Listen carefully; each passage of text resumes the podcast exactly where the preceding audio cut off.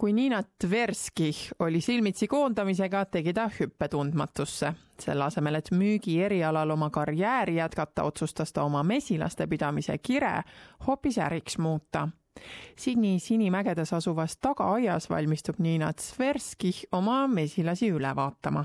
Yes, look at that. They've just built the honeycomb tema väikemahulises mesilasettevõttes on kokku kolmkümmend tuhat mesilast ning kuus taru. siit saadav mesi ning mesilasvaha on tema toodetavas nahahooldussarjas põhikomponendiks. So every single product is handcrafted, it's all natural, it's beeswax. When it's applied to skin together with the oils, it sort of locks the moisture and oils in the skin. Kuid tema äri poleks kunagi algust saanud, kui teda poleks saatnud peale enamus oma elust töötatud karjääri müügivaldkonnas tabanud ebaõnn. Been beekeeping for a year and a bit when I was made redundant and it was quite a traumatic experience which led me to questioning myself and the direction in my life selle tulemuseks on ettevõtte nimega Niina mesilased ehk Niinas Bees.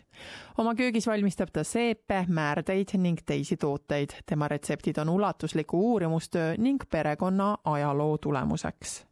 I grew up in the south of Russia and my grandmother, she collected herbs and she taught us kids. She used to make very basic salves like burn salve, for example. And when I started my business, I certainly used those very basic knowledge on the herbs, but also researched later on. Üks sellise ettevõtte raskusi on ilma ettearvamatus, mis toodangut otseselt mõjutab. kui ilm on liiga palav, siis ei tooda mesilased mett, kui ilm on liiga külm, siis on sama probleem. Last year was very hot summer and I noticed there was very hardly any any honey in the hives because the nectar evaporates at high temperatures.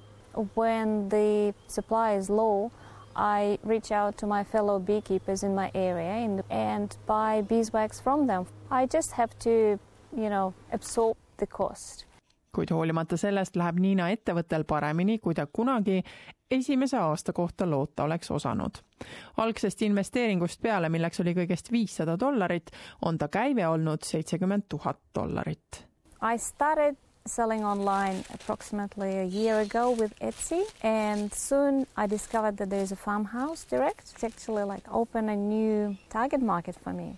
I noticed that Etsy, where I sell, has uh, like an age group of say 18 to 30, while Farmhouse Direct, my feeling is that that's probably late 20s and more.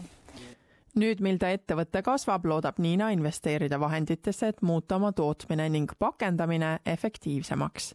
ta on tänulik, et tal on õnnestunud oma kirg ettevõtteks muuta. Peace changed my world. They are a perfect example of selfless serving community. It's amazing what they can teach you